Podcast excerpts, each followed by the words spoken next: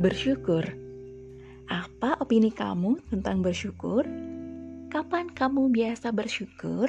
Apakah kamu bisa bersyukur setiap waktu?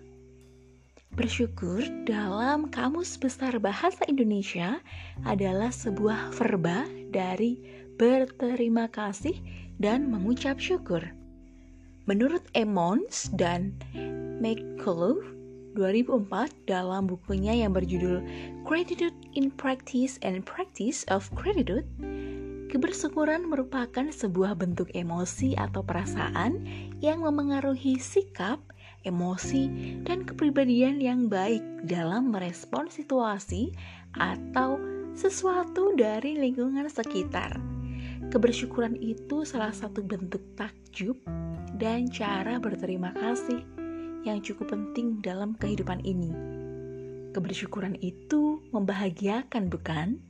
Ketika kita merasa bersyukur, kita akan selalu mencari alasan untuk kita merasa cukup.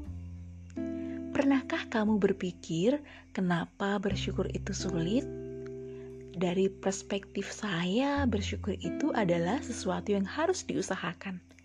Bersyukur itu layaknya kita belajar di sekolah, yang pelajarannya selalu penuh dan terbatas pada waktu. Bersyukur itu adalah cara kita menikmati dan menerima pelajaran hidup dengan lapang dada, ikhlas, dan penuh penerimaan.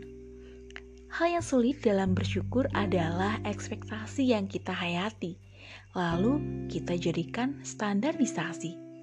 Apakah benar? Kenapa seperti itu? Ya, karena kita selalu melihat yang di atas kita. Coba kita lebih sering melihat ke bawah, melihat hal-hal yang berada di bawah kita.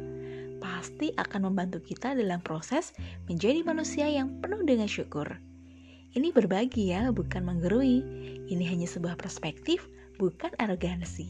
Kalau kamu, bagaimana perspektifmu tentang bersyukur? Apakah ada opini yang lain?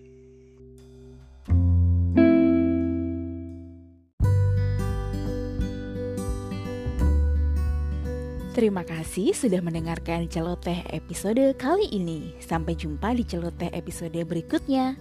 Thank you for listening to the celoteh episode this time. See you in the next episode.